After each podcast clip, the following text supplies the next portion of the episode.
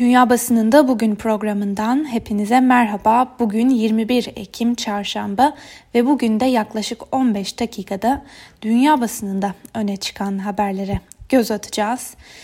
Bültenimize bir kez daha Amerikan basınının en çok konuşulanlarıyla başlayalım. 3 Kasım seçimlerinden önceki ikinci ve son başkanlık tartışması Perşembe günü yani yarın adayların birbirinin sözünü kesmesini engellemek için getirilen yeni kurallar çerçevesinde gerçekleştirilecek. Başkan Donald Trump tartışma programının genel formatına ilişkin memnuniyetsizliğini ifade etmeye devam ederken formatın son derece adaletsiz olduğunu söylüyor. Komisyon ise kuralların iki tarafı da memnun etmeyebileceğini ancak uygulamanın doğru dengeyi oluşturacağına ve Amerikan kamuoyunun çıkarına olacağına inandıklarını söylüyorlar. Washington Post'un yorum köşesinde Trump'ın tartışma komisyonunu hedef alması şu sözlerle değerlendirilmiş. Trump'ın başkanlık tartışmaları komisyonuna saldırması aslında seçimin kendisine de bir saldırıdır. Washington Post'a aktarılan bir habere daha göz atalım. Sonra New York Times ile devam edeceğiz. Ulusal Sağlık Merkezi ABD'de bu yılki ölüm verilerini önceki yıla, yıllarla kıyaslamış ve şu çıkarımı yapmış. Bu sene salgın koşulları altında önceki ortalama yıllara kıyasla 299 bin daha fazla kişi hayatını kaybetti. Bunun üçte ikisi yani yaklaşık 200 bin kişi Covid-19 yüzünden hayatını kaybetmişken üçte biri yani yaklaşık 100 bin kişi ise diğer hastalıklardan veya ikinci faktörlerden hayatını kaybetti. New York Times gazetesinin gündemindeki bir habere göre de Beyaz Saray'ın baskılarına aylarca boyun eğmek zorunda kalan hastalıkları kontrol ve önleme merkezinin üyeleri artık son derece hayal kırıklığına uğramış bir grup bilim insanı olarak biraz da olsa bağımsızlıklarını ilan ettiler. Bu arada ABD'de bu kez de üçüncü bir dalga ihtimalinden söz ediliyor. Haftalardır süren e, virüsün yayılması ve belirli bölgelerde artan uyarılardan sonra son dalganın salgının şimdiye kadarki en kötüsü olma tehdidini de beraberinde getirdiği belirtilmiş. New York Times gazetesinin yorum köşesinde dikkat çeken bir yorum var. Trump pes ediyor başlıklı yoruma göre Trump'ın seçim stratejisi hem koronavirüse hem de Joe Biden'a karşı yenildiğinin işaretlerini veriyor. Sanki Trump bu yenilgiyi giderek daha fazla kabul ediyor. Sıradaki haberimize geçelim. Mitch McConnell Beyaz Saray'ı ortak yardım paketi açıklamamaları için uyardı başlıklı habere göre Senatör Mitch McConnell diğer cumhuriyetçi senatörlere Beyaz Saray'ı özel olarak Nancy Pelosi ile bir seçim öncesi anlaşma yapmaması konusunda uyardığını söyledi. Ancak New York Times'ın yorumuna göre Mitch McConnell'ın bu uyarısı seçimlere kadar mutlaka bir yardım paketi açıklama niyeti olan Trump'ta bir soğuk duş etkisi yarattı. Voice of America bugün Demokratlar Anayasa Mahkemesi'ni genişletir mi başlıklı bir haber paylaştı. Cumhuriyetçiler seçim gününden önce ABD Anayasa Mahkemesi'nde Ruth Bader Ginsburg'un yerine Başkan Donald Trump'ın aday gösterdiği Amy Coney Barrett'ı onaylamak için acele ediyorlar. Şimdi ise bazı liberal demokratlar mahkemeye mevcut 9 yargıcı ilave daha fazla üye ekleme fikrini ortaya attı. Demokrat Başkan adayı Joe Biden seçimi kazanırsa ve demokratlar senatonun kontrolünü geri alırsa Anayasa Mahkemesi'nin genişletilmesini destekleyip desteklemeyeceğini söylemeyi reddetti. Ancak seçim gününden önce duruşunu açıklamaya söz verdi. Buna karşılık Boston Üniversitesi hukuk profesörü Nicole Haberfeld siyasi nedenlerle genişletilmesinin Anayasa Mahkemesi'nin bütünlüğüne zarar verebileceği konusunda uyarıyor. İngiliz basınının e, önemli gündem maddelerine geçmeden önce İngiliz basınından BBC'nin aktardığı, Bloomberg'den aktardığı önemli iki habere çok kısaca göz atmaya çalışalım. Trump seçimi kazanamazsa hangi dünya liderleri kaybedecek başlıklı habere göre Bloomberg'de Mark Champion imzalı bir makaleye göre ABD Başkanı Donald Trump'ın Kasım ayında başkanlık seçimlerini tekrar kazanamaması durumunda kaybeden tek kişi Trump olmayacak. Çok sayıda dünya lideri de Beyaz Saray'daki bir müttefikini kaybetmiş olacak. Örneğin Kim Jong-un, Muhammed Bin Selman, Erdoğan, Xi Jinping, Putin, Bolsonaro, Netanyahu, Duda veya Orban ama daha önemlisi yazıda Trump'ın görevden ayrılması durumunda en çok kaybedecek liderin de Erdoğan olabileceği değerlendirmesinde bulunulmuş. Bunun dışında yine Bloomberg'de yayınlanan bu kez Bobby Gosh imzalı bir köşe yazısında ise şu ifadeler dikkatimizi çekti. Türkiye'nin ülke dışındaki maceracılığı fırsatçılığa ve cezasızlığa dayanıyor. Ve yazıda Erdoğan'ın uluslararası toplumun tepki verdiği ancak karşı hiçbir hamle yap- yapmayacağına inandığı hiçbir adımı atmaktan çekinmediği belirtiliyor. Türkiye'nin dış politika görünümü son 10 yılda daha çok sadece sorun olarak tanımlanabilecek bir duruma geldi. Ankara etki oluşturabilmek için diplomasi yerine askeri gücünü ve sert söylemi kullanmayı tercih ediyor. Yazıda Erdoğan ve ABD Başkanı Donald Trump'ın yakınlığı sebebiyle Trump yönetiminin genelde Erdoğan'a karşı daha yumuşak bir dil kullandığının ve bunun bugüne kadarki en sert açıklamalardan biri olduğu hatırlatılıyor. Erdoğan'ın iyi dostum olarak tanımladığı Rusya Devlet Başkanı Putin'le de arasının açıldığı ifade ediliyor.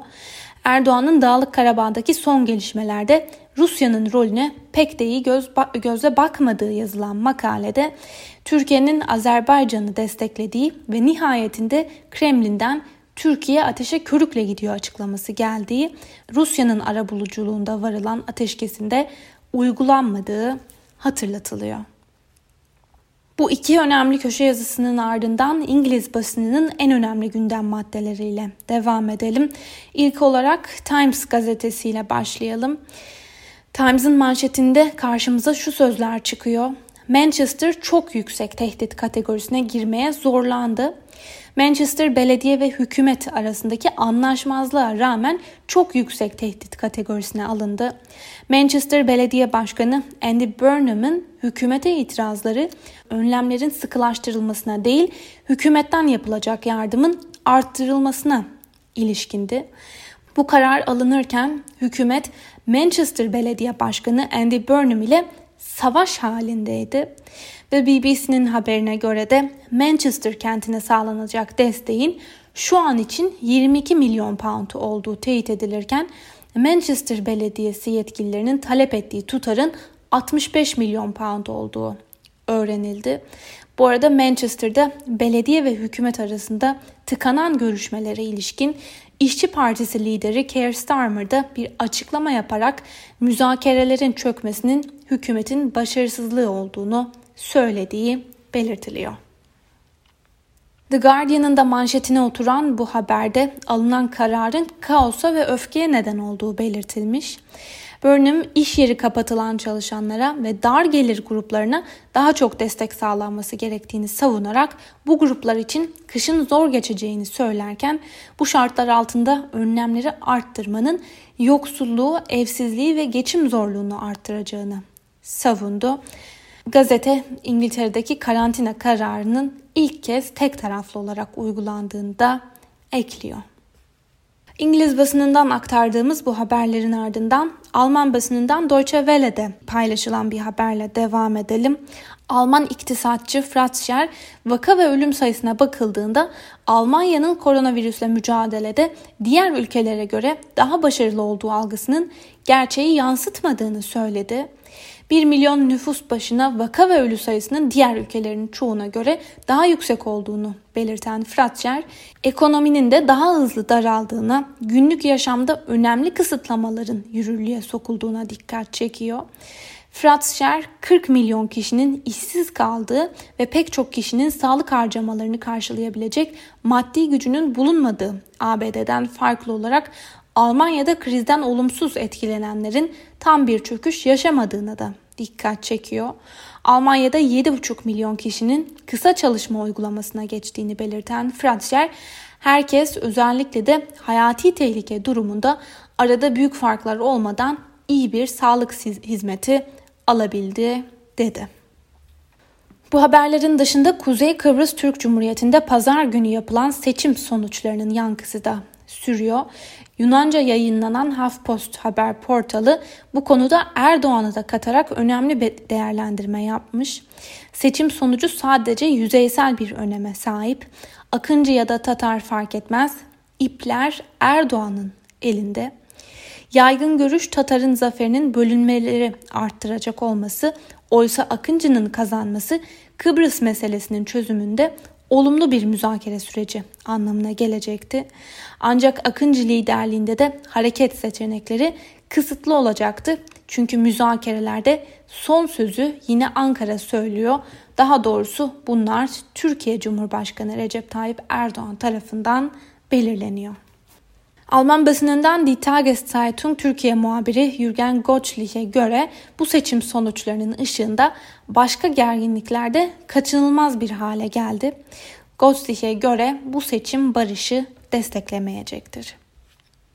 Basında aktarılan bir diğer habere göre de Avrupa Birliği Komisyonu Kıbrıs ve Malta'nın altın pasaport olarak bilinen yatırım karşılığı vatandaşlık uygulaması hakkında hukuki süreç başlattı. Komisyon uygulamanın Avrupa Birliği yasalarına aykırı olduğu görüşünde.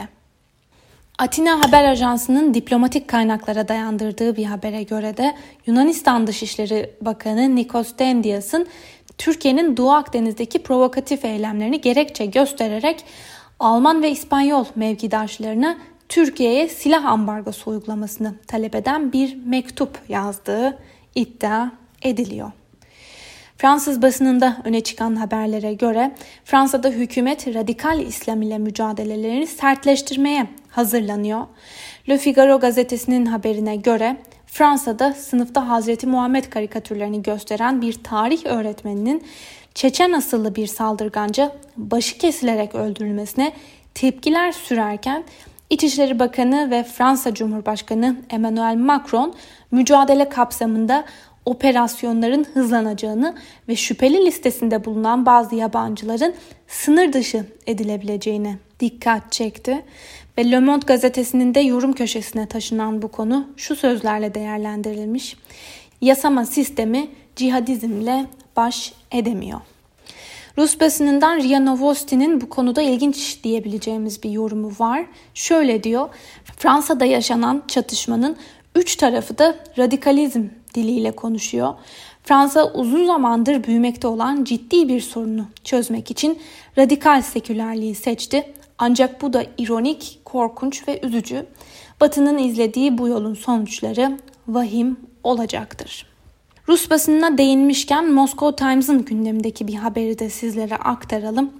Rusya'nın nükleer savaş başlıklarının sayısını bir yıl boyunca arttırmama taahhüdünün ardından ABD'de 5 Şubat 2021'de süresi dolacak olan nükleer anlaşma Yeni Start'ın uzatılmasına yeşil ışık yaktı. İki ülke arasındaki son büyük nükleer silah anlaşması olan New START'ın yani stratejik silahların azaltılması anlaşmasının uzatılması için uzun süredir devam eden müzakerelerdeki açmazın çözülmesinin de yakın olduğu belirtiliyor Moscow Times'ın haberinde. Ve son olarak El Cezire'de aktarılan bir habere göz atalım. ABD ve Sudan aylardır ülkenin teröre destek veren ülkeler listesinden çıkarılması için görüşmeler yapıyordu.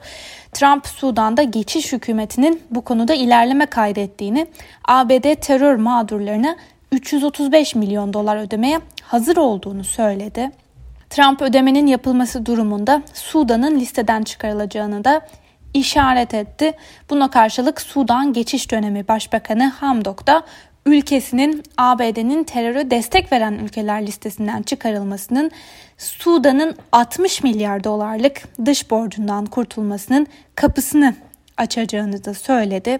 Sudan listede bulunması nedeniyle uluslararası kurumlardan borç almakta güçlük çekiyordu ve El Cezire'nin yorumuna göre ABD Başkanı Donald Trump'ın Sudan'ı devlet destekli terör listesinden çıkaracaklarına dair yaptığı açıklama Sudan'da geçiş hükümeti açısından ekonomik toparlama umudu yarattı. Sevgili Özgür Özü Radyo dinleyicileri, El Cezire'den aktardığımız bu haberle birlikte bugünkü programımızın da sonuna geldik. Yarın aynı saatte tekrar görüşmek dileğiyle. Hoşçakalın.